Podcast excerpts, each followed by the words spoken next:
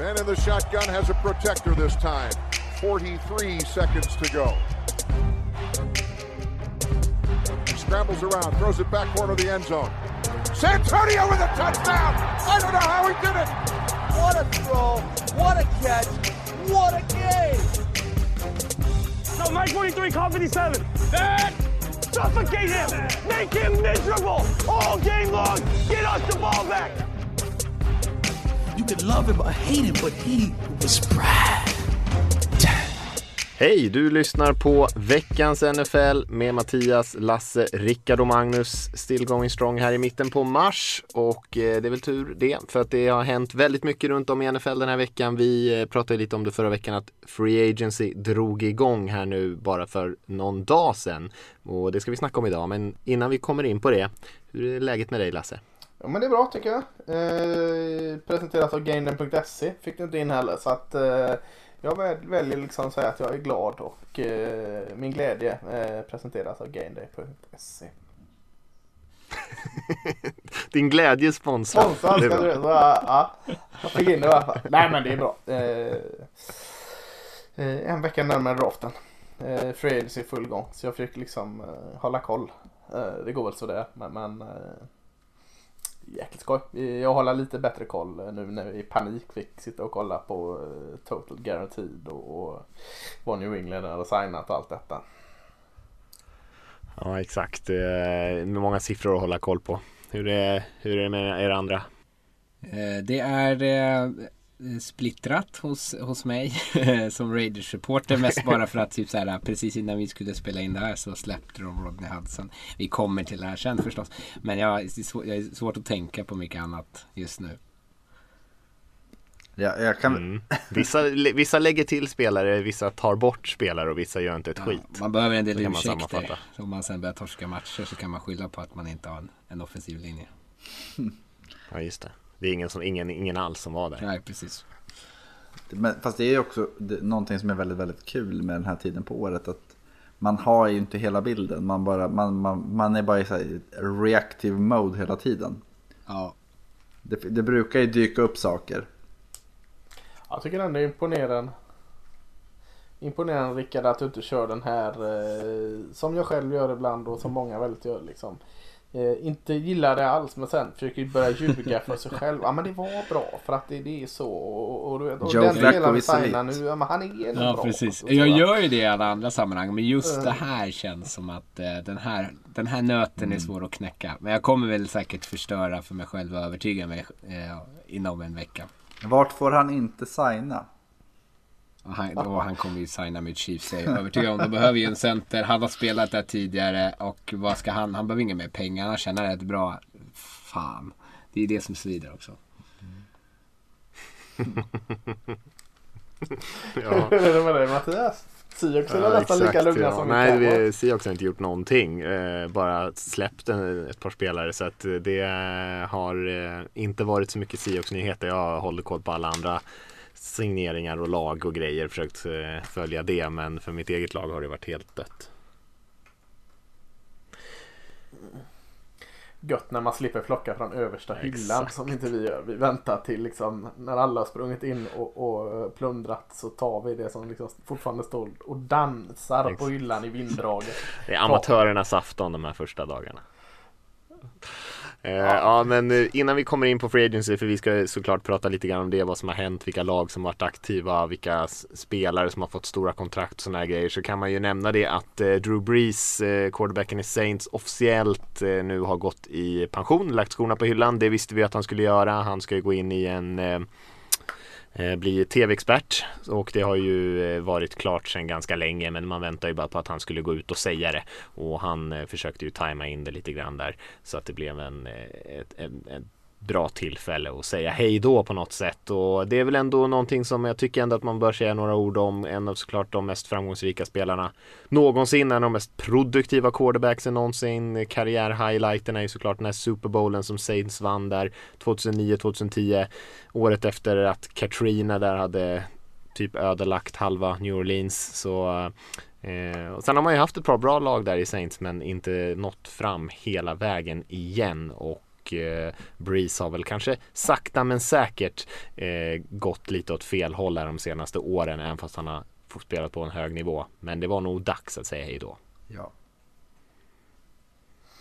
Ja, en av de bättre eh, Westlake High School eh, quarterbacksen eh, som nu lägger... Topp fem. Westlake High School-spelare.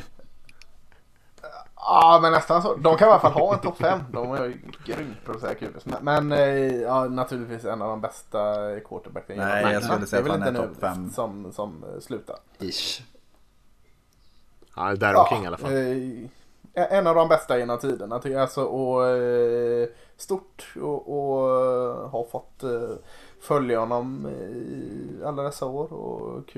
Jag har fått se honom live till exempel. Och, och eh, Heck of a nice guy verkar han ju vara. Och känns som en sån som kan bli ett total fiasko på NBC är det va? Mm. Det var min första sån här tanke. Ja. liksom, lite för snäll och trevlig. Lite Jason Witten-varning på, eh, på honom. Liksom att, ja, det här är lite, är han så, ja, jag vet inte. Jag tänkte på en annan sak. Jag tror vi NFL-supporter eh, när vi la ut nyheten eh, med bild på hans tre söner och dotter som satt där va. Jag tyckte det var sjukt konstigt. Alla sönerna hade en Drew Brees-tröja men dottern fick sitta där i en blommig klänning och... Eh, Väldigt, väldigt mycket Drew Brees skulle jag säga. mig på. Löjligt kanske men... men ja, så här, vad fan kunde inte hon få en, en Drew Brees Men hon är ju flicka Lars, det går ju inte. Ja, ja, ja, precis. Och så, så, varför sitter jag och hänger upp mig på det här? Jag kan ju sitta och kolla på Drew Brees highlight-klipp istället. Men, men eh, Vi, ja, det är du var inne på innan vi går vidare till Breeze eller vart vi nu ska. Men Westlake. Du pratade om att han var kanske topp 5 quarterback därifrån. Eh, det finns ju en spelare därifrån som jag håller lite extra kär. Vet du vem det är? Nej, nej. Sam. Nähä. Eh, Vem är det? Alla de här som kommer därifrån. eh, Han som vann Super Bowl Det är Nick. Foles. Nej, Justin Tucker. Nick Foles. Ja. Nej, vem är det då? då? Nej, men det, Justin var- Tucker. Det han spelar ingen roll. Du får säga att det är... Den, den kopplingen borde du ha gjort. Ja, ja, ja, Justin Tucker. Ja, men de har ju fasiken 40-50 NFL-spelare. Det är inte lätt Jag tror, att jag tror han är typ topp high schoolen i tre eller Austin. fyra gällande Westlake-spelare i NFL. Mm. Då fick jag tal Justin Tucker. Då fick jag in en kicker. Fick du lite Baltimore där också? Snyggt. Rickard, vad har du för Oakland-koppling med Drew Brees Ingen tyvärr. Men vi spöade honom nu. Eh, det var ju, undrar det var första matchen till ja, Det var första matchen i Las Vegas som vi vann över Saints den här säsongen. Så han kan i alla fall eh, titta tillbaks på det som ett trevligt minne att han förlorade första matchen i, i Vegas. Nej, det är väl Nej, typ enda har lag han aldrig vunnit. Kommer aldrig göra heller. Nej. Tragiskt. Nej. Ja, nej. Nej, eh, som sagt, ja, men de var ju, han är ju såklart en gigant där, särskilt i New Orleans. De var ju sämst innan han kom dit och eh, nu får vi se vart det barkar här utan Drew Brees. De har ju eh, en hel del utmaningar får man säga och kanske inte minst på quarterback-positionen där man ändå har Taysom Hill och James Winston fortfarande men eh, det är väl inga säkra kort direkt kan man inte påstå. Eh, och de försöker fortfarande ta sig in under lönetaket eh, som eh, vi har pratat om tidigare och det blev ju en, är ju en lite speciell free agency och har varit det. Jag tror att vi har sett kanske mer än någonsin eh, ganska konstiga kontrakt, mer än någonsin trixande och meckande med lönetaket så att man nästan blir lite halvt tokig på det. Eh, lag som skjuter pengar till framtiden och, och jag eh, gick loss lite grann på det här med voided years som har blivit en ännu vanligare grej i år med liksom låtsasår på kontrakten. Eh, men trots det så har vi ändå sett i vanlig ordning spelare som får stora kontrakt och går till nya klubbar och man får väl ändå säga att New England Patriots har varit de som har snott de flesta rubrikerna än så länge. Mm. Det, det, alltså, de har väl spenderat näst mest garanterade pengar sett över, alltså, i ett- ur ett historiskt perspektiv över de här första dagarna. Mm. Ja, det blir ju ett automatiskt kort Jo, så är det ju. perspektiv Eftersom pengarna bara växer och växer. Men ändå Jag, jag såg också något av det och de som då under, det är väl de senaste fem åren vi pratar om här uh, ungefär. Har ju inte gått så det jättebra för de storspenderarna innan heller. Kan ju också ha att göra med att de som ofta kan spendera mycket i lag som har rensat ut sina trupper och i uh, lite i rebuild mode. Men, men det är ju lite annorlunda situation med, med Patriots för att mm. uh, vad gick de 7-9 förra året eller? Eh, någon total jäkla rebuild är det väl inte frågan om ändå eh, på dem. Men eh, ja, vad är det? Det, det är två talent, Jonas Smith och så var det mm. hans skade. Ja just det.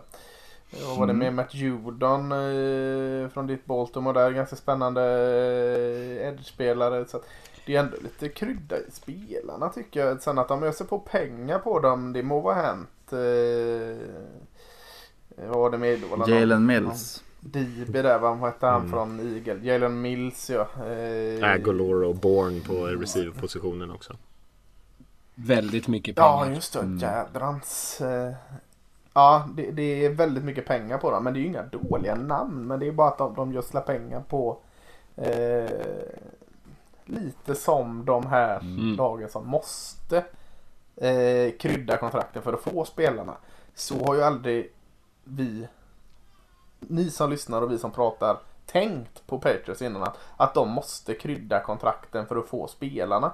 Eh, kan det vara så att det är så? De måste krydda kontrakten för att få upp eh, ja, men, alltså, Jag tänker att det är så jäkla mycket saker inblandat i den här diskussionen egentligen. Att dels har du eh, Brady Belichick. Brady vann en Super Bowl. Tampa Bay behåll alla sina spelare. Eh, och Patriots gick sådär.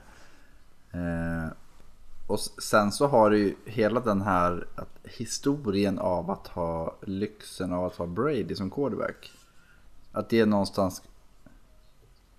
Och på lite ja, jo, men, ja men precis. Att det är eh, verkligen så här, det finns så jäkla många liksom, hål att hugga i just nu. Och, och ja, ja, men i dagsläget, nej fine. Väldigt, väldigt många skulle bli förvånade om eh, Patriots går till Super Bowl. Men ja. Samtidigt så har vi Bill Belichick som är en av tidernas, kanske tidernas bästa coach. Som håller på att handplocka spelare just nu. Utifrån en, en tanke eller idé som han har. Ja, men det är ju känsligt. Det, det är ju det, det, alltså jag tycker att det, jag har sett många som har sagt så här, men herregud nu kommer Patriots Super Bowl igen. Jag tänker mer så här, ja men det blir ju sjukt kul att följa hur ett av tidernas största genin inom sporten förädlar alltså sina resurser. Och det, det är ju det vi ser nu. Ja, jag tycker mer man kan frågasätta hur ja. han eh, fördelar sina resurser. Kanske delvis för att han eh, kryddar de här signingarna men också som resigna Cam Newton. Jag gillar Cam Newton jättemycket men, men eh, huruvida det är lösningen på eh, att ta in två skickliga talent, massa wide receiver. Det visade han inte förra året. Han visade mycket i Cam Newton men inte att eh, han skulle vara, vara lösningen till att ta deras offensiv vidare framåt. Och alla de här opt-out-spelarna som kommer tillbaka var ju mestadels i försvaret. Så att, absolut, jag tror, jag tror New England Patriots kan vara räkna med och säkerligen kan gå, mm. hamna före Buffalo Bills i den divisionen Don't igen. Go there. Men, men Uh, ja, men, men, Ja, jag, jag, tycker det känns eh, så väldigt Jo men det är det ju. New Patriots det här och jag vet inte riktigt om, ja, ja men det jag, säger, jag vet inte riktigt om jag tycker det är rätt väg att gå. Jag tycker det här känns lite eh, som ett rebuild-lag som liksom, inte panik ska jag inte säga, det, det är en överdrift, men som lite slungar vilt dag ett i Free Agency som de har gjort här och så sen ska de bygga ihop efter det. Den känslan får jag men sen. Det, det, det är ju men... egentligen det, mm. precis det jag säger. att vi får, nu kommer vi få se Bills eh, alltså förmåga att förädla både utrymmen när det gäller pengar men också när det gäller spelare. Du tror inte det är hunden som sitter där? Det, det kan, nej, det är Mike May också. alltså jag tror bara att det är så här, alltså de har pengar. Eh, det är ingen idé att spara på dem. Och eh, de, för att liksom göra av med de pengarna så, så måste de ju gå ut och, och eh, ta några av de här lite större namnen. Men det är, ju, det är ju många av dem är ju riktiga chansningar. Det håller jag 100% med om. Alltså jag tänker både som vi nämner Johnny Smith och Hunter Henry, bra spelare båda två. Men skadeproblem lite upp och ner, eh, försvinner i vissa matcher. Eh, vi pratade om Nelson Aguilar, jag skulle säga en jätte, jättechansning på en spelare som har varit eh, väldigt oproduktiv i perioder av sin eh, karriär som han ändå får hyfsat betalt där. Så det är ju inte på nödvändigtvis så att de här spelarna Jag tror att alla kommer inte träffa och det tror jag inte de räknar med heller. Det känns lite som att man gör samma sak som man gör i draften ibland. Att man plockar på sig massa draftval, skjuter lite vilt och, och hoppas på och vet att det är lite chansningar. Ehm, Jag skulle säga att och det tror jag man gör. här Jag skulle säga att skillnaden mellan typ det som vi brukar se som i Patriots-modellen är att de gör de här, de signar den här typen av chansningar på spelare som de tror, ja men de kan komma hit vara jävligt bra hos oss.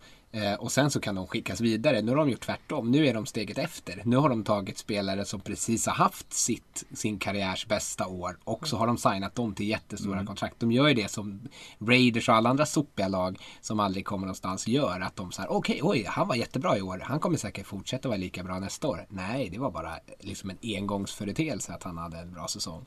Och det känns som att vad Patriots har gjort nu är att de har tagit in de spelarna som de vanligtvis eh, släpper till andra lag. Eh, och så har de liksom betalat jättemycket pengar eh, för dem. Alltså hade andra lag signat alla de här spelarna så hade man ju blivit halshuggen. Fast det är ju det som är det roliga med det hela. Det är ju att Bill, nu har han haft... Ja, ifrågasätt inte, det håller jag med om. Okej, vad fan, han får Nej, nej, jag, jag, jag, kan. jag, jag, jag säger det vare sig bu eller bä. Jag säger bara att då får man ett kvitto på vad... Men storheten i honom. Mm. Att det blir, alltså det, oavsett vart vi, det- hur vi ja. vrider och vänder på det så kommer vi landa i Brady Belichick. Alltså det, det, det säger sig självt, det, det styrs. Alltså alla så här narrativ som vi har just nu är ju Tampa gör bra saker, Patriots gör galna saker som inte vi är vana vid. Handlar om Brady, handlar om Belichick och det är det som är någonstans eh, alltså, Tänk om så här, Bill i oktober bara, alltså helt seriöst, jag fick en brain fart och hade panik i april, mars, mars-april. Och ja, Nej, jag, jag bara liksom högg efter det fann, som fanns. Jag hade ingen långsiktig plan, jag hade inte den här. Det, det är ju inte, han kommer aldrig säga det, men det, det är ju inte omöjligt att det är så. Men samtidigt kan det också vara att han, ja, han, han vet vad han vill ha, han, han ser roller för alla de han plockar in som vi tycker att men fan, du överbetalar för den här spelaren. Tänk hur sur han kommer vara på presskonferensen. We're on to det Cincinnati. eh. Ja, men, men jag tänker så här som du sa Mattias, så här med att de har massa pengar och de spenderade, fine. Men så går det så här mot Joe Tooney, en jättebra guard. Det verk- Var de inte intresserade av att signa om då? Nu fick han väl säga Exakt, monsterpengar det är ju Chiefs. men- högst betalda men- spelaren men de- utan Ja, konkurrens. men de hade ju också kunnat lagt de monsterpengarna på en eh, Visst, han blev överbetald av Chiefs, absolut. Men han är fortfarande en jäkligt bra guard som kommer saknas i eh, den offensiva linjen som också har ett problem med skador och, och, och djup. Så lite där. Jag, jag tror lite så här att eh, Bill Belichick är dinosaurien och NFL är just nu istiden som kommer. Jag, jag tror han eh, liksom utrotas Han är närmare- det som dödar dinosaurierna? Nej, jag vet inte vad som dödade dinosaurierna. Fan, inga, inga historielyssnare vi har här. Vill, vill ni höra en historia? Hur länge ska vi prata om det här, Det här handlar inte om Patriots-ämnet Patriots, det då? handlar om eh, van, vanställda föreställningar. Ännu bättre. Eh, vet ni vil, vilken quarterback Chicago Bears precis har signat? Andy Dalton. Sa du Andy Dalton? Det var rätt. Ja. rätt. Ja, snyggt. Nej men jag har ju direktlänk i Dalton-hushållet. Nu är inte de längre dinosaurier alltså, utan de, är, de ligger i framkant. Nej. Ja. Ja, nej, men, ja men nog, nog om eh, Patriots och eh, feltramp i historien. Eh, vad, vad, vad, annars i Free Agency idag? Ja, nej men annars kan man, jag tänker så här, det, det, jag tycker inte det finns så många andra lag som står ut. Så egentligen kan man väl prata om de stora dealsen som har varit. Ni nämnde några av dem där. Vi har ju sett några offensiva linjespelare, några pass rushers framförallt kanske som har dominerat eh, själva eh, löneligan. Om man får kalla den det. Och det är ju Joe Tooney som Patriots garden som gick till Chiefs såklart då och sen eh, även Corey Linsley centern som gick till Chargers och spelade i Green Bay innan var väl de två på offensiva linjepositionen som, som stod ut. Mm. Sen har vi ju pass rushers, det, det visste vi redan innan. Eh, Shaq Barrett stannar i Tampa Bay, det var nog ett smart beslut från dem tror jag. Sen har vi ju Bud Dupree som har spelat i Steelers, gick till Titans nu på en stor deal. 35 miljoner garanterat. Carl Lawson som har varit en väldigt produktiv pass rusher i Bengals hamnade i Jets i Robert Salas nya lag där. Eh, Ngakwe hamnade i Las Vegas. Yannick Ngakwe som har varit i Ravens här senaste säsongen och Okwara signade om i, i Lions var väl de stora namnen där. Ja, Trey Hendrickson också som spelade så bra för Saints i fjol hamnade, hamnade i Bengals. Så de kan vi säga Bengals bytte ut Lawson mot Hendrickson nästintill. Det var inga sådana superduper jättestora kontrakt däremot känns det som. Utan de flesta är ju ändå eh, någorlunda resonabla tycker jag. Men är inte det för ja. att de inte har uh, övertygat? Jo, det är ju inte den, det är ju kanske inte den typen av namn. Det är ju väldigt många spel. Budger Priest kontrakt tycker jag är väldigt stort. Mm, jo, men han, han hade ju en, en uh, tag innan också. Ja, men uh, Alltså det är väl den här typen av spel som annars kanske får jättemycket. Alltså nu Jannik Ngakwe om man tar honom som ett ja. exempel. Då. Han, nu har han mycket annat skräp runt omkring honom som gör att lag kanske tvekar. Men spolar tillbaka bandet två år så hade han ju kunnat fått jättemycket på den öppna marknaden. Känns det som. Um, han har blivit Carl sämre och sämre sedan 2017. Eh. Och har fyra, det här är fjärde laget sedan eh, december 2019. Samtidigt kommer man till sitt fjärde lag för att man har blivit tradad om och om och om igen så har man kanske inte heller haft förutsättningar att bli så mycket bättre sedan 2017. Ja, eller så varför blir man tradad? Ja, det kan man fråga sig. Men han kommer vara bäst i världen nu, det är ingen fara. Slappna av. jag tror, står ni på två sidor, varsin sida där. Nej men det som jag skulle säga, det som definierar de här spelarna, alltså pass rushers framförallt sen, det är ju kanske inte eh, jättesexiga namn, men det är ju ändå spelare som har varit väldigt bra i det tysta skulle jag säga. Så att det är ju lite ovanliga kanske sådana som eh, namn som är i toppen på, man tittar på de här listorna, liksom mest intressanta free agents, så brukar det ju vara kanske mer sådär, det som man kallar för kanske household names, medan Dupree och Judon och Lawson och, och, eh, en, och inte Ngakwe kanske, han har ju snackats en del om, men Okwara. Det är ändå spelare som har varit väldigt bra, Hendrickson också, men som inte är sådär, de är ändå lite doldisar allihopa mm. på något sätt. Och det är ju nog ganska ovanligt, men jag håller med om att eh, de kanske kunde ha fått lite, lite mer pengar om det hade varit en annan ekonomi. Ja, det ligger väl i det. Här ser ni några andra intressanta, vi kan väl hoppa runt lite som, som vi vill. Är det något annat eh, ni har sett som ni reagerar på? John Johnson där till Cleveland tycker jag är safety från Rams som har spelat bra där. Uh, mest för att han inte tog så jättemycket, eller han fick inte så jättemycket betalt. Jag hade väl väntat mig att han skulle dra en lite större lön. Han tog tre år, 33 miljoner, ja, nästan 34 miljoner. Uh, mm. Kändes också som att han uh, aktivt valde att gå dit. Mm kommer nog passa där också. De det vill ju gå över till ett mer eh, safety baserat spel. Fler DBs på planen. Så då kommer han säkert passa in där. Jag tänker att receivergruppen Ja, alltså de... Uh, Golladay är inte signad än, ännu. Uh, och det finns ju många där. Det är väl bara typ, uh, vad heter han, Davis som är signad för Jets va? Corey, Corey Davis. Davis. Mm. Mm. I övrigt så är det ju ganska tunt med eh, receivers som har gått. Och det, eh, det, det finns ju alltid så här, handlar det om eh, att draftklassen är bra eller whatever. Men, men, ja, men ja, det blir kul att se hur det faller ut. För jag tror att det man har läst någonstans är ju att Goldaday är liksom S i allas rockärm och när han har valt då kommer det då kommer alla andra lag veta vad de ska göra.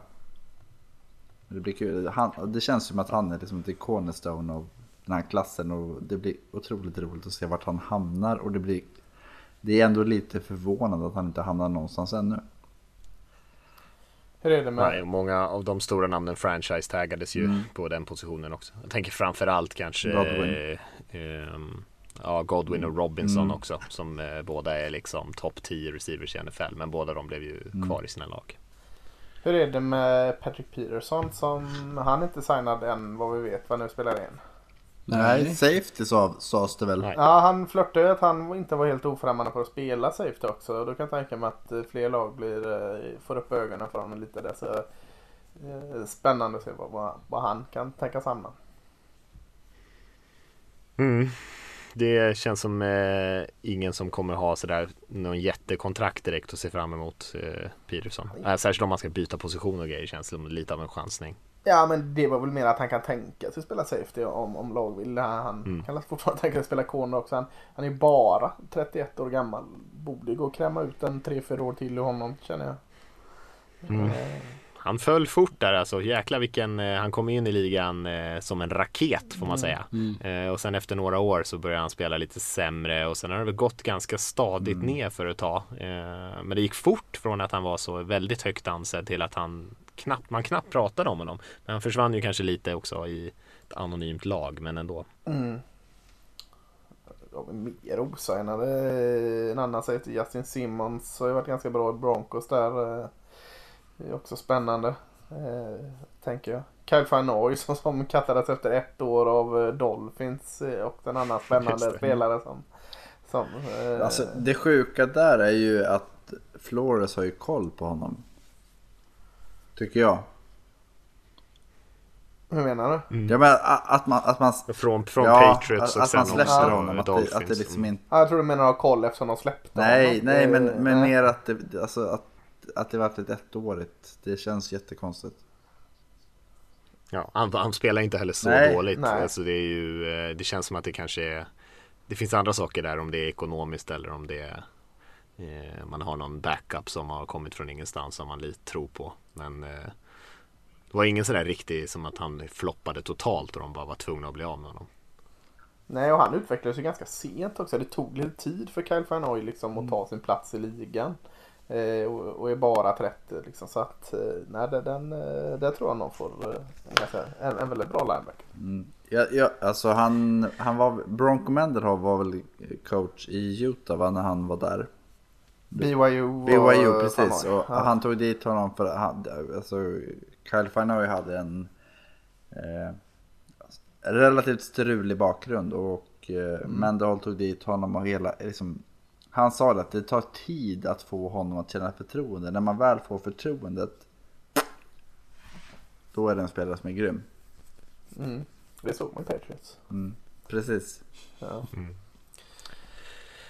jag tänkte vad man kan nämna tycker jag, alltså, eh, eftersom jag sa det här med voided years. Jag såg ni det här Taysom Hill-kontraktet eller? Ja, jo tack.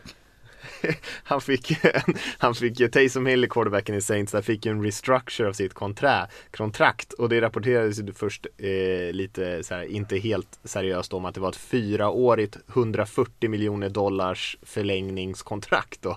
Eh, men så, så var det precis det här som, som jag nämnde tidigare att eh, med voidable years, alltså år av kontraktet som är i stort sett blanka, de existerar inte i verkligheten, de existerar bara som, eh, som för att man ska kunna sprida ut bonusar gentemot lönetaket på de här åren. Så det som i slutändan var då var att det var liksom ett ettårigt kontrakt eh, som var värt tror jag, runt 12 miljoner. Eh, men att man ville sprida ut bonusarna över de här fyra då voidable years i kontraktet. Så det som rapporterades som ett fyra år 140 miljoner var alltså ett ett år 12 miljoner. Eh, och det får väl nästan se, liksom definiera tycker jag det här eh, absurda hur många av de här kontrakten faktiskt läggs upp nu för tiden. Ja, det är ju nästan ett poddavsnitt bara. Det är ett prat om eh, eh, lönestrukturen i NFL. Den, den är så oerhört skev så att eh, det, det ska vi inte snubbla in i allt för länge. Men, men eh, ja, det är väldigt bisarrt och inte helt enkelt eh, ens för lagen att hänga med i vad som gäller och inte gäller. Så det är, ja usch vilken röra. Och, Det var väl lite liksom grädde på moset i kontraktet. Ja, man kan väl säga så här om man ser de här nyheterna så att det man ska fokusera på är ju de garanterade pengarna och sen hur mycket pengar som betalas ut under de första åren av kontraktet. Det är väl det som är relevant för eh, ja, vi ska inte gå in på det, men det finns ju olika delar som eh, sätt man kan lägga upp kontrakten på så att de sprids, så att de räknas mot lönetaket under olika år och sånt där. Och det har liksom ingenting med verkligheten att göra oftast. Pengarna betalas ofta ut ibland, eh, direkt, men, men de eh, räknas inte in förrän typ tre år senare. Och det är ju väldigt förvirrande mm. såklart. Eh, ska vi lämna någonting mer om Free Agency eller ska vi hoppa vidare? Det lär ju ticka in fler och fler nyheter nästan under tiden vi spelar in här men även under kvällen och natten såklart och sen de kommande dagarna här. Det är ju eh, nytt ligaår den 17. Nu spelar vi in eh, på tisdagskvällen här den 16. Jag har inget att tillägga. Håll koll på, eh, vi är ganska eh, alerta på att uppdatera eh, på Twitter där, NFL supporterkontot så det kan du väl följa lite extra. Brukar vi få ut det relativt snabbt om ni inte följer de här uh, Schefter och de gubbarna som lägger ut hela tiden såklart. Och vi lär väl återkomma om det är stora signings och kanske till och med med någon liten sammanfattande eh, litet snack nästa vecka mm. om det händer mycket mer grejer. Ja. Eh, vi ska ju snacka lite. Ja, vad vill du säga något Magnus? Nej, det var jag. Jag sa ja. Jaha. Han ville ja. säga någonting. Det lät bra. Tack. Givande. Ja. Jag vill säga något. Jag vill säga något. Jag vill säga ja. Ja, bra. Ja, ja, det är starkt. Jag känner genom att jag får mycket stöd här. Ja, det är bra. Eh, vi ska ju snacka lite draft idag också såklart och eh, vi har eh, filat ner det så att vi har ju bara en position att snacka om idag. Vi ska snacka om de defensiva linjespelarna i mitten av linjen. Defensiva tackles framförallt. Det är ju en lite luddig gräns där mellan vad som är vad. Men framförallt eh, de som spelar defensiv tackle eller i alla fall den centrerade, centri, centrala delen av den defensiva Berätta linjen. Berätta lite då, eh, och, förlåt nu eh, avbryter jag mitt i en mening. Eh, mm. Nej, nej, det var inget. Berätta då lite vad du menar med luddigt. För, för eh, det får vi lite förklara. Eh, det begrepp, eller varför vi, varför vi ja. benämner det som luddigt. Ja, nej, men vi, alltså det finns ju olika sätt att ställa upp sitt lag såklart. Vi har ju pratat om det här med att spela upp med fyra defensiva linjespelare eller tre defensiva linjespelare och vissa eh, har ju sina defensiva eh, ends som pass rushers och andra lag har outside linebackers som pass rushers om man nu spelar med 4-3 eller 3-4 och jag, det vi pratar om eh, specifikt idag det är väl framförallt de som spelar defensive tackle i en fyrfront eller spelar någon av positionerna egentligen på en 3-4 linje där man har alltså tre defensiva linjespelare. Så de är lite större killarna helt enkelt och det som eh, de som är specialiserade pass rushers de har vi placerat under en gemensam tagg som vi kallar för edge. Eh, och det betyder att man spelar då lite längre ut på liksom kanten av den defensiva linjen. Eh, kanske till och med utanför eh, den offensiva attacken. Att man ställer upp där för det mesta och försöker liksom komma runt eller innanför sin, sin tackle när man ruschar. Så att det är de eh, spelarna på mitten som vi pratar om oh, idag. Oerhört bra beskrivet. Tänk om du var min eh, lärare i lågstadiet mm. när man fick lära sig om istiden och dinosaurierna och sånt. Eh, då hade jag haft full koll på det. ja. ja. Ja, eh, ja, jag hoppas att det var, annars kan man ju alltid fråga oss. Eh, men vi kommer ju också säga tror jag, om vi pratar om de här spelarna, då kommer vi också säga vad det är för typ av spelartyp och var vi tänker att de, de kommer göra mest nytta i NFL. Vad kan man säga om den här positionen? Jag tyckte nog ändå att den är inte jättestark, kanske jämfört med vad vi har sett de tidigaste åren, tidigare åren tycker jag. Kanske att det är, vi har ett par bra spelare uppe i toppen där, men sen går det ganska snabbt ner för och sen ett ganska stort gäng spelare som ja, i, i, ungefär på samma nivå. Där det kanske handlar lite mer om tycke och smak. Jag vet inte vad ni känner kring den sammanfattningen av gruppen mm. Väl sammanfattat. Ja, en del som kommer gå där ja, i tredje rundan. Det är typ där som de the sweet spot är skulle jag tro för de här tackles. Även de som vi har högst? Ja. Ja, alltså de som är högst. Vi har väl en som jag tror kommer gå i första rundan och inte så mycket mer. Kanske någon som går i tidiga andra. Men de flesta tror jag kommer gå där eh, i, i, mm. tredje. Mm. Ja, det kan jag nog hålla med om. Eh, vi har ju lite olika ranking här, eh, men eh, och det efter vi alla varit inne och fyllt i här lite grann på hemsidan så har det förändrats lite så vi uppdaterade den i eh, dag där och då, då studsade eh, en spelare som vi alla har nog uppe i den absoluta toppen upp på, på topppositionen. Och där har vi ju Christian Barmore från Alabama som, som nu leder ganska bekvämt. Jag har han inte i toppen. Eh, så så, så, så Nej, jag kan börja det med vet jag. Eh, ja, Alabama. D-tackle spelar från Alabama. Det känns som eh, been there, done that. Eh, potentialen ser jag absolut i Christian Barmore. Eh, men det kändes lite som att folk flög iväg i sin hyllningskör för att han avslutade sitt sista år bra. Eh, men, men han har varit så oerhört ojämn eh, så att jag, jag är lite vänta och se. Jag, jag kan se att han är, är är där av potentialen men eh, jag är lite vänta se-läge på honom. Eh, jag vill ha mer produktion oftare. Eller, men men eh, kvick spelare på insidan tycker jag. Eh, bra en mot en. Eh, inte så jäkla mycket eh, dans och nonsens utan pang bom rakt på närmaste vägen till kuben som gäller med, med eh, styrka, bra punch, eh, relativt smidig också tycker jag för att, för att vara den typen pang bom spelaren. Eh, tycker jag gillar hans eh, swim move också väldigt, väldigt mycket. Så eh, de- den, Mm. den stryker under som eh, snyggaste swim movet i- av alla D-tackles. Eh, Får han i alla fall min stämpel. Eh. Men jag tycker han använder det lite för sällan. Eh,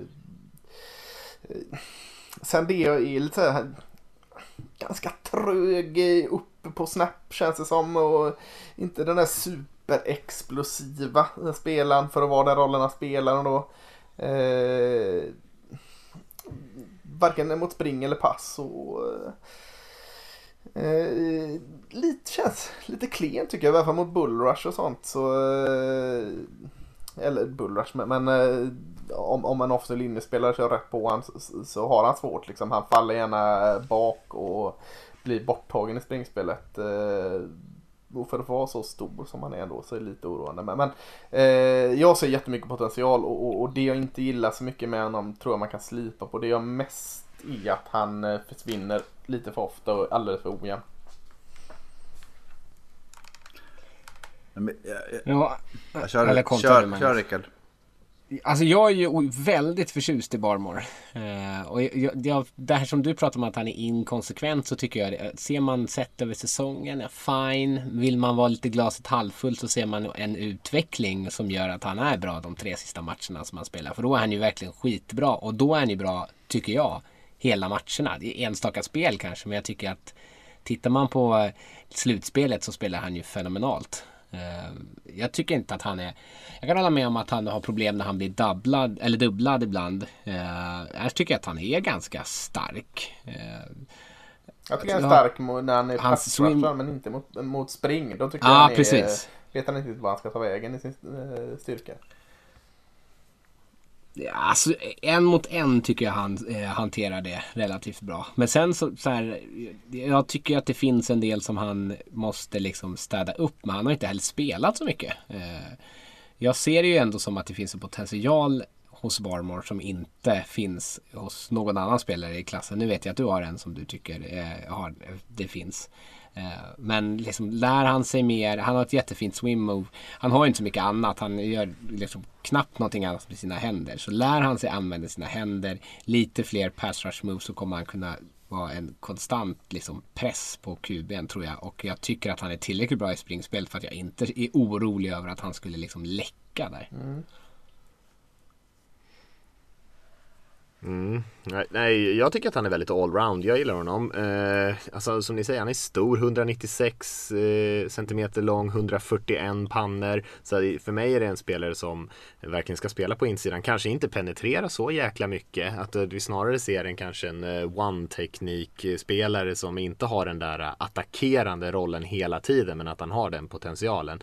För jag ser ändå en spelare som är eh, alltså kvick och rörlig för sin storlek och jag tycker han är tillräckligt stark och, och är eh, en, en absolut en duglig rusher när han behöver göra det. Att han är hyfsad mot, mot double teams och att han är eh, en bra springförsvarare också.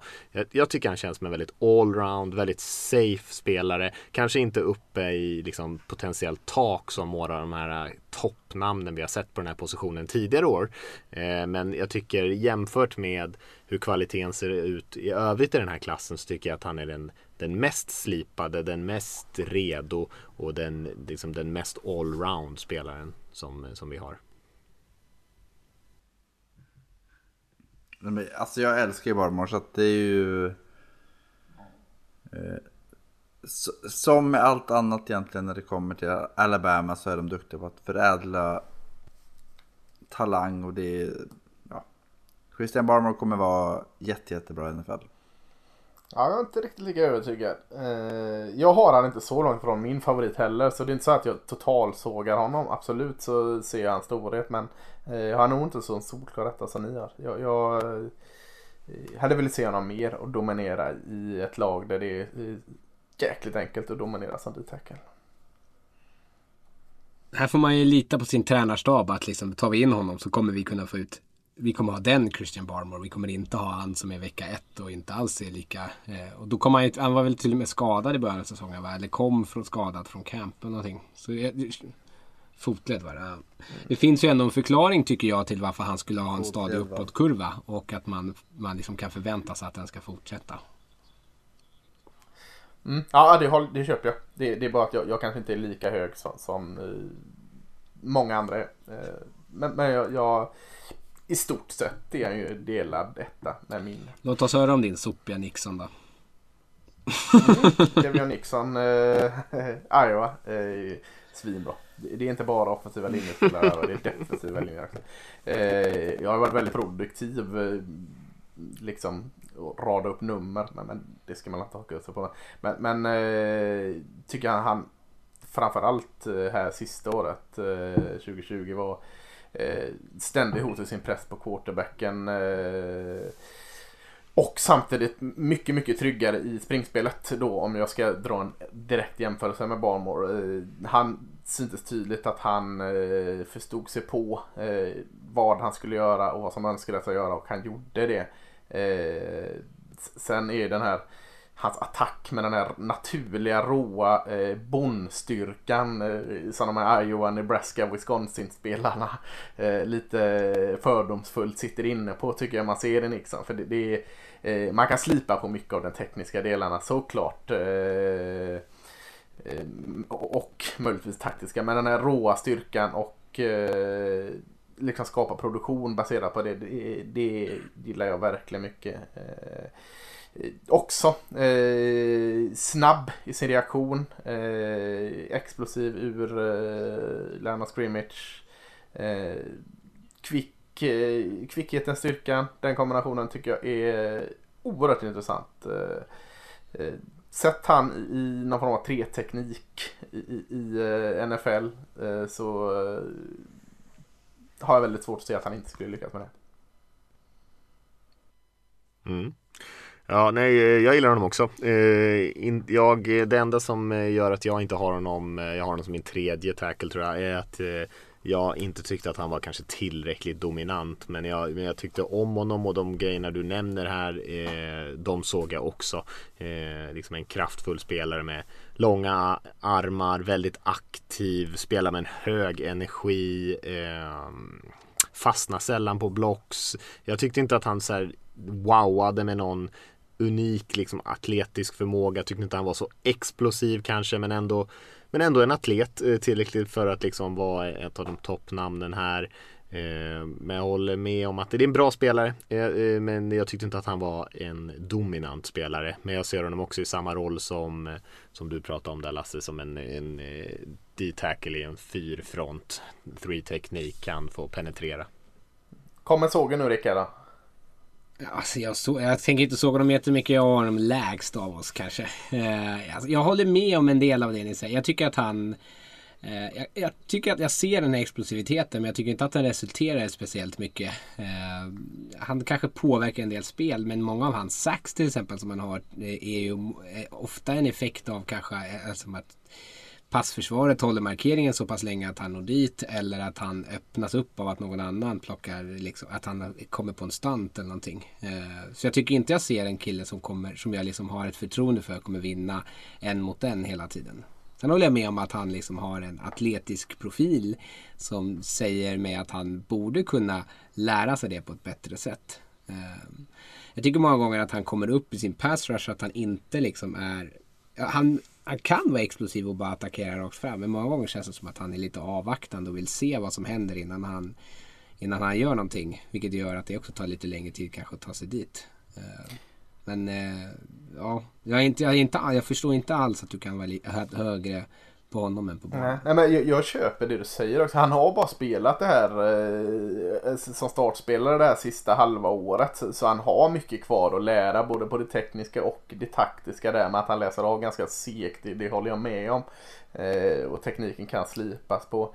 Eh, men jag tycker eh, han klarar bra en mot en. Väldigt bra. Jag tycker eh, det var en av hans styrkor faktiskt.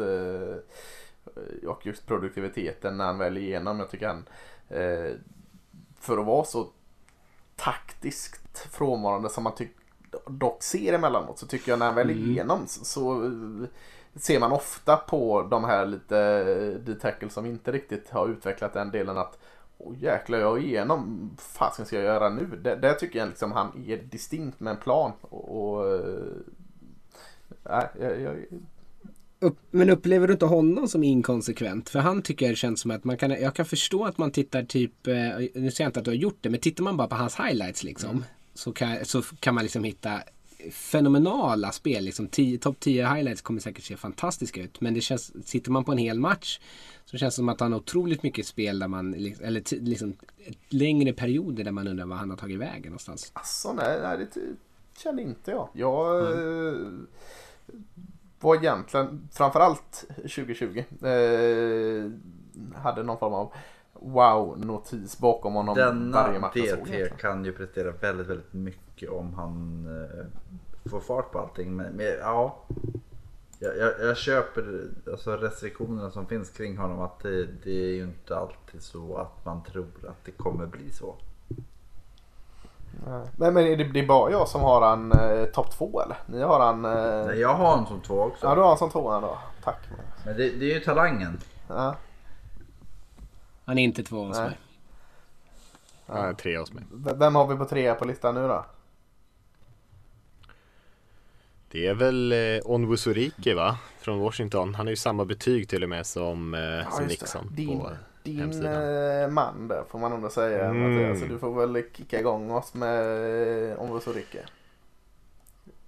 Ja, exakt. Han spelar ju inte 2020 så eh, det är ju eh, eh, lite synd tycker jag. För det skulle man ju vilja se såklart. Det var en jävligt fin. Jo, mm. det, det gjorde han. Men han eh, spelar ju inte säsongen så det är klart, det hade man kanske velat se. Eh, för att eh, det är väl en sån där spelare som ändå har en del kvar att göra, lära sig. Eh, jag tycker att det är, eh, det är den typen av, jag skrev det till er också och ni blev inte särskilt förvånade, särskilt inte du Lasse som har gjort den här typen av poddar med mig i rätt många år. Men det är ju den här typen av tackle som jag gillar. NFL-storlek, eh, eh, liksom långa armar, stort arsle, eh, explosiv, flyger av linjen. Eh, har ju såklart lite problem då om han inte lyckas vinna tidigt. Han eh, spelar med lite dålig teknik, kan hamna lite högt, kan hamna lite ur balans, bort från spelet i springförsvar, eh, fastna totalt på sin block när han ruschar. Men när han spelar liksom med bra teknik så tycker jag att eh, han är riktigt, riktigt bra som, som få andra tackles i den här draften är. Eh, och då kan han göra det mesta på väldigt hög nivå. Eh, han har ju roterat runt lite på lite olika positioner i Washington. De har bland annat spelat honom som nose tackle. Där skulle jag ju absolut inte vilja ha honom. Utan jag skulle gärna se att han är några kilo tyngre eh, och kan eh, spela en mer attackerande roll sen i NFL. Men, men jag ser mycket potential i Onwusurike som redan eh, är bra på många saker men är för ojämn just nu. Alltså, jag gillar också mycket man. Men, men eh, det där med nose tackle i Washington ska man också ta med en nypa salt. Jag, jag blir ju fintad jämt för deras jäkla jobbiga defensiva linje. Ibland är det en tvåfront de kör med. Alltså, och det är ingen sån här tvåfront med eh, massa variant. Utan det är en tvåfront. Sen är det eh, Eh, en armada som står bakom eh, den här tvåfronten med inga händer i marken. Så att spela nose tackle i en tvåfront så, så vet jag, alltså och det, det gör de ganska ofta. De är, jag har problem med att liksom värdera spelare från den här jäkla defensiva linjen. Så långt bort som Vita V till exempel i Washington också. Eh, så, så jag tycker mm. det är så svårt att, att liksom få ut eh, allting. Mm. För jag blir så lurad av det. För jag, jag köper det du säger. Eh, jag tycker framförallt hans storlek i kombination med hur explosiv och ändå atletisk han är. Det är ju jätte jätteintressant. Men, men samtidigt så känns det som han också blir lite lurad i, i vad fasiken Washington gör på defensiva linjen. För det känns inte alltid som han är med. Fattar inte riktigt. Eh, eh, och, och, det kan man då skylla på att ja, han, han, skulle nog, han har inte fått spela tillräckligt och taktiskt kunnandet brister lite. Men det är ett jäkla konstigt system och, och jag förstår att man inte alltid är med det. Så att eh, nej, jag skulle gärna vilja säga pass på honom för att eh, jag säger pass på alla D-line-spelare oavsett om Jag, jag fattade inte riktigt.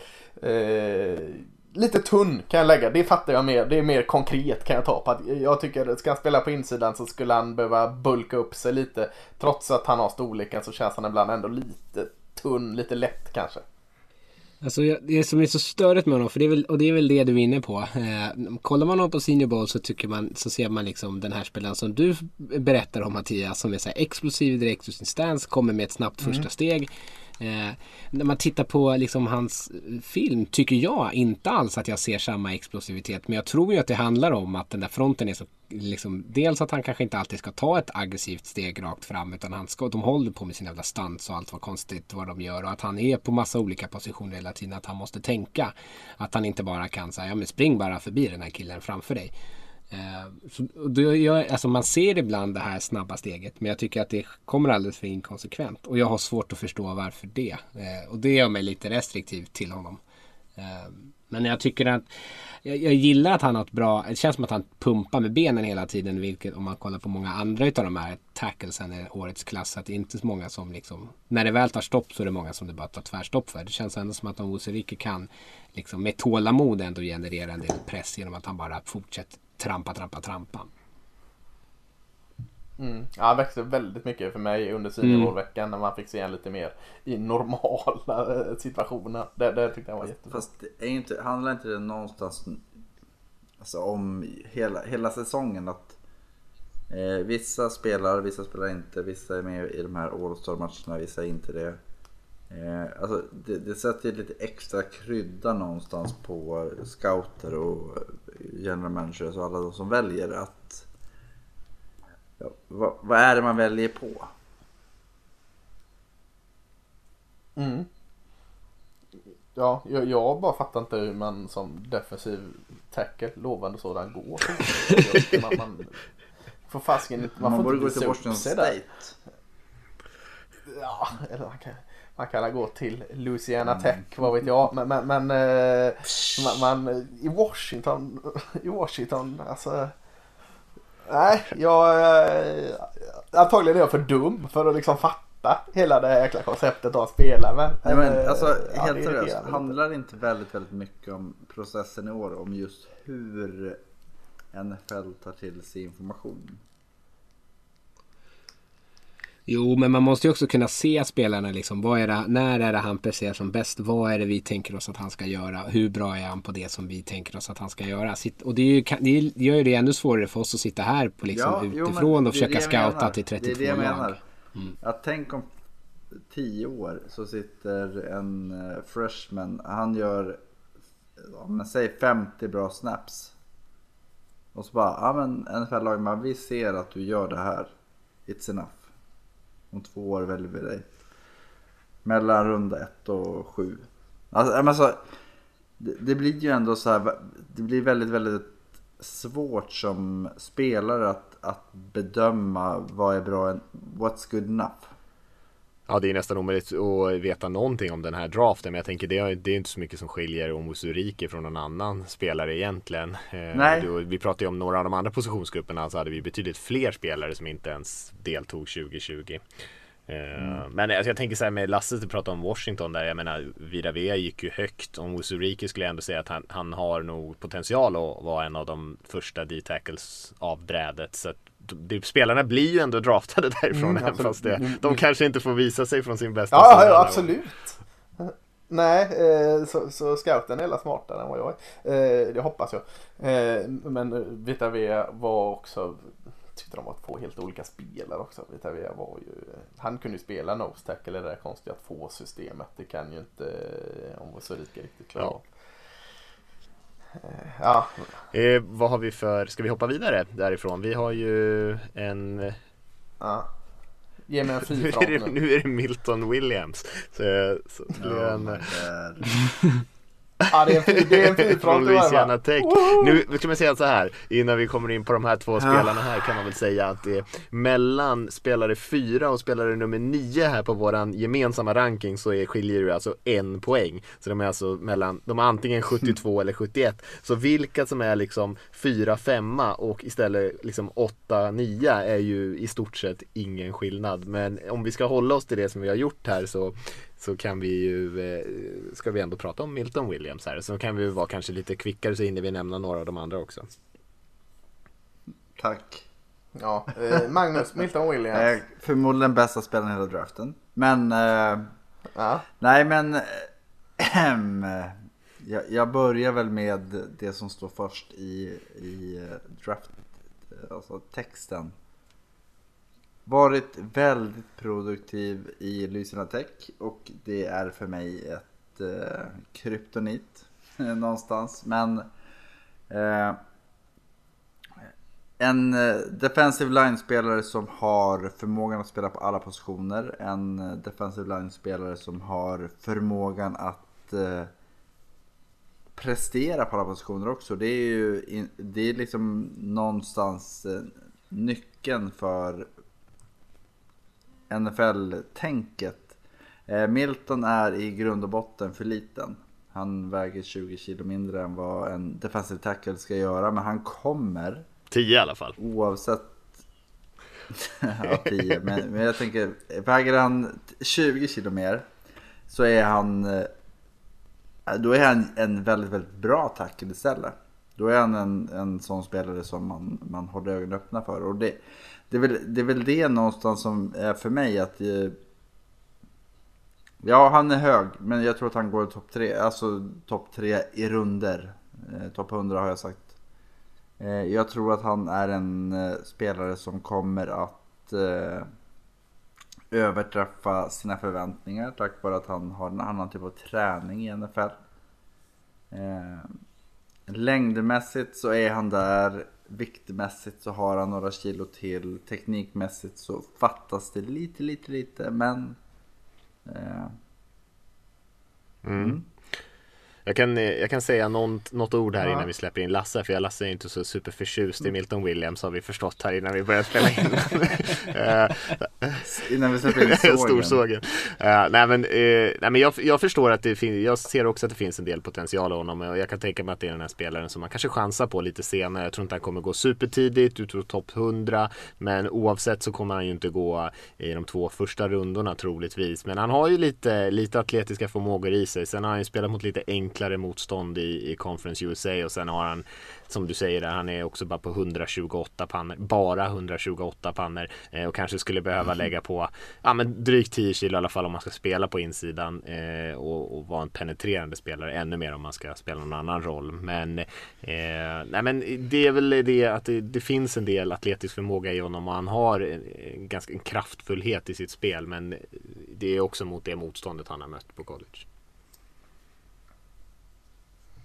Mm, ja, det är kul ändå att vi får med lite eh, sådana här som poppar upp. Det gillar jag. Och, och eh, han är lite liten. Ska, ska han då... Eh, är någon dum nog att spela en NFL så, så ska man ändå spela han på utsidan, D-end, i någon form av femteknik. För där, där kan jag se honom eh, komma undan lite. Men, men eh, jag ska inte vara för jäkla hård liksom. Det är klart det finns gott i Milton Williams. Jag, jag hör vad ni säger. Eh, men, men, skulle jag få utropstecken, frågetecken på Hufanga för, förra podden på min safety så ska, ni fan, ska du fan inte komma undan med Wilton Williams här. Det, det, eh, jag ser inte alls hans storhet. Eh, jag skulle inte bli förvånad om han inte blir draftad alls. Eh, men, men sjätte, sjunde rundan tycker jag känns rimligt kanske. Eh, jag ser inte hans storlek, eh, eller hans storhet. Eh, en hyfsad eh, spelare mot spring liksom för, sin, för eh, att vara lite för lätt tycker jag. Det, men, men jag tycker han ser ganska slö och trög ut för att vara eh, så pass lätt som han är. Och ska han då lägga på lite kilo för NFL så ja, då vet jag fasken hur, hur han kommer se ut teknik vet jag inte om han har för jag ser aldrig någon teknik i honom direkt eh, ah, alltså det är inget för mig som sticker ut. Jag, jag säger inte att han är dålig men, men eh, ja, det kanske också är ett tecken på att eh, som du sa här Mattias att det är jämnt mellan eh, position, eller gubbe 4 och gubbe 10 på vår lista. För hade han varit 10 så hade han kanske inte reagerat så mycket. Men, men nej, jag, jag har inte mycket som, som lockar mig över Milton Williams mer än att det är roligt att lite sådana här dark horses poppar upp. Det gillar jag. Framförallt så, så säger det någonting tycker jag om själva klassen i att så här, när man har kommit ner mm. ett par namn så skulle det liksom kunna vara skulle kunna vara vem som helst. Om något lag blir förtjust i Williams plockar de honom i början av fjärde. Han skulle lika gärna kunna gå i, i, i slutet av sjätte, i början av sjunde. Liksom. Ja, ja men precis. Precis så det känner jag också. Precis. Alltså att tas han i fjärde så kommer han inte göra någon stor grej av det. jo, det kommer det visst göra. Men Uh, det är ju ingen Sadiq Charles. Liksom. Det, det, det är inte superstar potential. Helt sjukt. Nej, eh, men eh, alltså tas han mellan runda fyra och runda sju så ja, so be it. Eh, men, men, men då, säger, då, då sätter jag det här i, i vad ska man kalla det? Etern. Et, etisk, nej inte etisk. Eterns pränt. Jag tror mm. att Eh, Milton Williams går topp 100. Vem sätter emot? Ja, jag sätter emot. Fem, eh, vad ska vi sätta till välgörande ändamål? Hur mycket pengar ska den andra? 200 spänn till välgörande ändamål. Eh, eh, vad heter det? Någon hjärnskakningsfond eller något kan vi dunka in så är det NFL-relaterat. Jag sätter emot direkt. 200 spänn till eh, hjärnskakningar utan gränser. Låter som en bluff. bluff, bluff. Det är ju Eller, eh, Ja, det låter verkligen ja, Nya läroböcker till eh, årskurs 1 som man lär sig om dinosaurier kan också vara väljarande. Men jag, jag är med, jag sätter emot ba, äh, inte topp 100 på Milton Williams. Jag har haft ett sånt här vad tidigare i mitt liv och det vann jag. Ja, ja visst. ja, ja, eh, jag behöver inte oroa mig. Nej, vi får säga. Det, det är ja. otroligt kul. Alltså det det, det, är få saker jag älskar mer än när jag går in och kollar. när jag ska lägga in ett, eh, lägga in ett betyg. Och så ser jag att Lasse har lagt typ så här. Antingen 97 eller 47. Och så bara. Hmm, mm. Jag är ganska långt ifrån. Ja vi, det är bra, det är så det ska vara. Tänk vad tråkigt det hade Ja, jo, jag säger det. Jag tycker det är kul. Jag kysst varandras omdömen hela tiden. Man vet om att det kommer ta två veckor, sen får man skit för det. Någon av oss kommer eh, vi, lä vi, vi, lämnar Milton ja, Williams nu eh, och femte spelaren där på är ju eh, kanske en helt annan eh, spelartyp där Marvin Wilson från Florida State. En lite större, lite tyngre, tyngre spelare som har spelat, framförallt tyckte jag han spelade defensive end i, i, Seminoles trefront där. Eh, vad har vi att säga om honom? Ja, jag gillar honom. Det är väl jag som puttat upp honom på topp 5-listan yeah. här. Eh, Verkligen. Eh, var outstanding. Alltså i, eh, Florida State 2019. Som inte var outstanding då. Florida State som vi har pratat om så mycket att de är kass. sen var han ingenting förra året. Skadebekymmer och, och det säger jag inte emot. Men, men en besvikelse 2020 men bra 2019. Bred och stark som du, eller bred som du säger Mattias. Eh, fysiskt in i hålen. Eh, vinner ofta eh, med sin tunga elaka jäkla punch och, och har inga problem med liksom att fastna i kontakten. Eh, jag gillar ju den här alltså pull, vad heter den? Pull en push move brukar jag skriva. Alltså när du liksom eh, först drar in och sen putter bort liksom och chockar din, din offensiva linjespelare. Den är han så jäkla bra på. Eh, och jag tycker han är ganska rörlig i, i både sidled och djupled för att vara så stor. Eh, kämpa på i liksom bra motor eller vad, vad är det man brukar säga. Eh, sen igen han man såg ju brister 2020 som jag inte såg 2019, det ska jag erkänna. Eh, lite, lite slarvig och, och, eh, den där motorn som var hög 2019 var inte lika hög eh, 2020. Eh, motivationen kanske var ett problem där. Eh, eh och ingen direkt liksom superexplosiv ur stance heller. Men, men eh, ja, det jag såg 2019 det kan jag inte riktigt liksom sudda bort. Så därför är jag fortsatt hög på Marvin Wilson.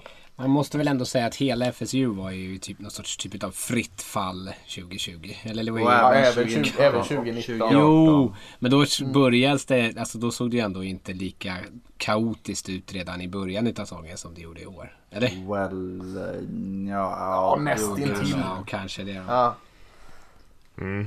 Uh, ja, nej, men jag tycker det finns en del att gilla med honom, men uh, känns väl inte heller som ett, så här, ett vanligt år så hade det inte varit en, ett, en av de spelarna som hade kommit in på en sån här topp 5-lista för mig i alla fall. Uh, men det är klart att det finns saker som han gör bra och jag har inte så mycket mer att tillägga utöver det du nämnde där Lasse. Mm. Eh, ska vi nämna några av dem? Mm. Eh, om det inte är någon som vill säga något mer om Wilson så kan vi ju nämna några om det finns några andra spelare som vi tycker är värda att nämna som inte, som vi inte tagit upp än. Kan jag nämna den roliga fun-facten om Morgan Wilson då? Nej. Tycker jag är oerhört... Eh, sägs, det låter som en, en skröna här men den är så bra så vi, vi tar det för en sanning. Han, han är ju från Texas men, men eh, han valde ändå Florida State för att när han kom på en sån här besök på campus så uh, åt han sin livs godaste honey fried chicken och vi valde att här ska jag spela. Det tycker jag det, det är sådana grejer som gör en bra linjespelare. Direkt upp 10 poäng. Det ser ju ut som att han har ätit. Ja det ser ut som att han har ätit mycket honey fried chicken. ja visst, fantastiskt. Det, det, det jag tycker man kan säga om den här DT-klassen är väl att uh, högt rankas väldigt många som har potential. Lågt rankas många som har, eh, vad ska man kalla det, alltså fysiken för att vara produktiva spelare i NFL. Att jag, jag, ja. jag, tror att man kommer se eh, en viss diskrepans mellan det vi pratar om nu och hur, hur det verkligen ser ut sen. Och sen så får vi se. Det är ju det är det som är det roliga med hur NFL värderar eh, ja, men, sin egen syn på vad kan jag göra, vad, vad gör jag någonstans. Men det finns, mång, ja. det finns många run-stuffers och det finns många liksom, tunga pjäser som är bra. Ja men precis, jag tänkte säga det. De som är längre ner då eh, på, på listorna är ju sån lite one trick ponies som liksom kan är jättebra. Liksom, stora breda jäkla laggostörar som kan plugga igen mot spring men är totalt oanvändbara i passspelet. Eh, då är det jäkligt svårt liksom, att få in dem i NFL. I college känns det som de har en mer naturlig del. Liksom. Där kommer man undan med att inte vara så jäkla effektiv pass. Det gör man inte i NFL. Så ska det bara roteras in en, två spel som inside eh, D-line så är det nog väldigt många lag liksom som ser bort från att ta dem. I varje fall att ta dem på allt annat än en chansning. Ja, de går ju väldigt sällan högt och gör de det så är de ofta ganska speciella. Jag tänker på Vita Vea nämnde vi till exempel tidigare som är framförallt en run defender mm. men han var ju väldigt, väldigt explosiv för sin storlek. Eh, vi kan ju nämna några namn där som framförallt som jag tycker passar in på det som ni som ni pratar om nu är väl kanske Alim McNeil från NC State som är i och för sig en atletisk stor kille men framförallt en mm. run stuffer och kanske även eh, Tyler Shelvin kanske. Eh, är också den typen av spelare. Alltså då pratar vi ändå, om vi pratar om de bästa spelarna på i NFL som, som gör det här jobbet, då är det ändå spelare som många kanske inte har så jättebra koll på. Javon Hargrave och Michael Pierce och Snacks Harrison i och för sig en kändis eh, numera. Men eh, det är ändå ganska o eh, hyllade spelare och då draftas man inte jättehögt mm. heller. Som du säger Lasse, kanske framförallt för att man måste kliva av plan när det är uppenbara passsituationer. Mm. Ja, vi har ju ett par spelare som ändå är lite längre ner i rankingen. Jag vet en som Rickard har ganska högt som ändå kan liksom eh, klara av både, jag tänker på att jag vet du vill ha Darius Stills i West Virginia där Rickard. Det, det är ju en lite spännande spelare ändå som, som kan göra båda delar. Ja, jag tycker där är ju, om man så pratar om potential att kunna påverka passspelet så känns det mm. som att det är där han har sin styrka. Jag tycker att han inte, han är inte jättestark. Eh, han har ingen styrka i alla fall sin pass rush. Sen tycker jag att han är bra. Jag tycker att han är bra mot springspel. Det känns som att han har bra koll på var bollen är någonstans. Jag tycker att han kan följa spel hela vägen ut mot sidlinjen. Men han är ju en liten lättare typ. Men en jättehärlig eh, liksom, rörlighet. Eh, jag vet inte om jag det är Sheldon Rankins jag tänker på. Heter han va? Pass rushen i... Eh, Saints. Ett, nej. Ja, i Saints. Ja, precis. Som, som jag också tyckte var så här, en lite mindre kille som ändå kunde rusha med liksom fart. Eh, och han, jag, ska, jag tycker att Stills är kul att kolla på också för att han ja, vill... Ja, jättekul. Han vill så gärna vinna med finess och med händer. Han tror, han, han det känns som att han tittar på typ Von Miller och så tänker han så här ska jag också pass rusha. och så, så bara fast du är lite tjockare och lite mindre. Mm. Eh, men han skulle behöva bara kanske få ett litet, ett litet styrkeelement i sin pass rush. Så tror jag att han kan bli väldigt, väldigt bra. Så han, ja, han är ju min näst, alltså min eh, andra rankade defensive tackle. Mm. Men, men jag, jag, tycker alltså, jag, jag vill också stanna lite vid, vid Darius Stills för att han, han är, sticker ut lite från, från alla de andra vi pratar om. För att, ja, det skulle, han, han är ju väldigt bra pass rusher tycker jag. Det, det är ju hans grej. Mm. Och då tänker man så ja men sätt ut han på, på en, en kant på en, en, en 3-4 eller något. Det vet jag inte, det har man gjort en del i West Virginia och de spelar 3-4. Men jag tycker det nästan är, det som är roligt med Darius Stills eh, är att när han får jobba i mitten mitten så, så, är han väldigt duktig på att ändå söka sig ut till kanten och lura sin eh, offensiva linjespelare. Så att, eh, ja, det är, jag, jag tycker lite han också spelat i fel system i West Virginia. Eh, sätt han i mitten i ett 4-3 system när han får vara med en till där inne och, och, och jobba på samma sätt och slipa på, på, eh, på sina brister och, och, och spela på samma sätt. För han spelar eh, ganska oortodox. För det du säger där med Von Miller, alltså en insidelinjespelare som ser sig själv som Von Miller, redan där är det ju ganska roligt. Mm. Och, och, och, det är ju Darius Stills. Han, han, mm. han, vill ju vara Von Miller. Ja, ja, nu satte coachen mig på insidan igen. Ah, glöm det. Jag letar mig ut på kanten och gör mina Von Miller-grejer därifrån istället. Och, och, då funkade det ganska bra. Så att... Eh, Eh, ja, jag, jag, är inte lika hög på honom eh, som potentiell, potentiell i NFL som du är. Men, men jag är nog lika glad i honom på liksom bara kolla en match med honom som du är. Mm. Har vi några mer spelare som vi känner att vi vill lyfta upp? Eh, lyfta upp eller sänka, men jag tänkte en sån som har varit ganska mycket hype är han Jalen mm. Twyman från Pitt som, som en liten eh, lätt lättare, eh, snabbare spelare på insidan från Pitt och så går direkt parallellerna till nya Aaron Donald. Så att mm. eh, det blir så liksom, ja det är nya Aaron Donald där i, i Pitt. Eh, ja han drog faktiskt till med 10-6 där på en säsong. Och, eh, med sin, ja, det, det, är helt enkelt nya Aaron Donald. Så eh, folk har blivit lite småtokiga på, på Twyman. Jag ser ju verkligen inte det. Men, men eh, roliga paralleller och att folk går igång så mycket och sätter sitt betyg bara för att han är lite liten och spelar på insidan och kommer från samma skola som Aaron Donald. Då är det nya det är Aaron klart. Donald. Spelar med samma nummer på ryggen ja, också. Det, ja, det också till och med kanske. kan man knuffa upp lite mm. tycker jag. Ja, eh, det, om vi inte ska nämna några fler defensive tackles så kan vi ju eh, nämna att eh, Texans har skrivit kontrakt med Tyrod Taylor här på ett ettårskontrakt. Och, Ja, betyder det att de ska trada mm. bort Sean Watson här snart va? Och så händer det här i natt när vi har slutat Hoppas. spela in. Eh, så vi får se. Ja. Ett, ett, ett, ett, år med Tyrod Taylor och drafta en ung quarterback. Mm. Ja. Mm. Den man hört förut. Läskigt. Ja, eh, jag vet inte, är det någon som har koll på vad vi ska prata om för positioner nästa vecka? Tänkte på att du skulle fråga det. och LB. Mm. Mm. Spännande. Ja, lite. Oh, ska vi ta både edge och linebacker? Ja. Jävlar, får- då två timmars avsnitt då får vi komma undan med va? Eller så kanske du inte ska prata om linebacker som inte ens blir Nej, draftad. kan ni klippa bort mig på linebacker där? Jag kan inte hantera det. Ja, nej, men det blir kul. Det är lite rushers är alltid, eh, det är alltid populärt. De brukar gå högt också. Eh, ja, men eh, med det så sätter vi punkt för den här veckan tror jag. Så, eh, så hörs vi.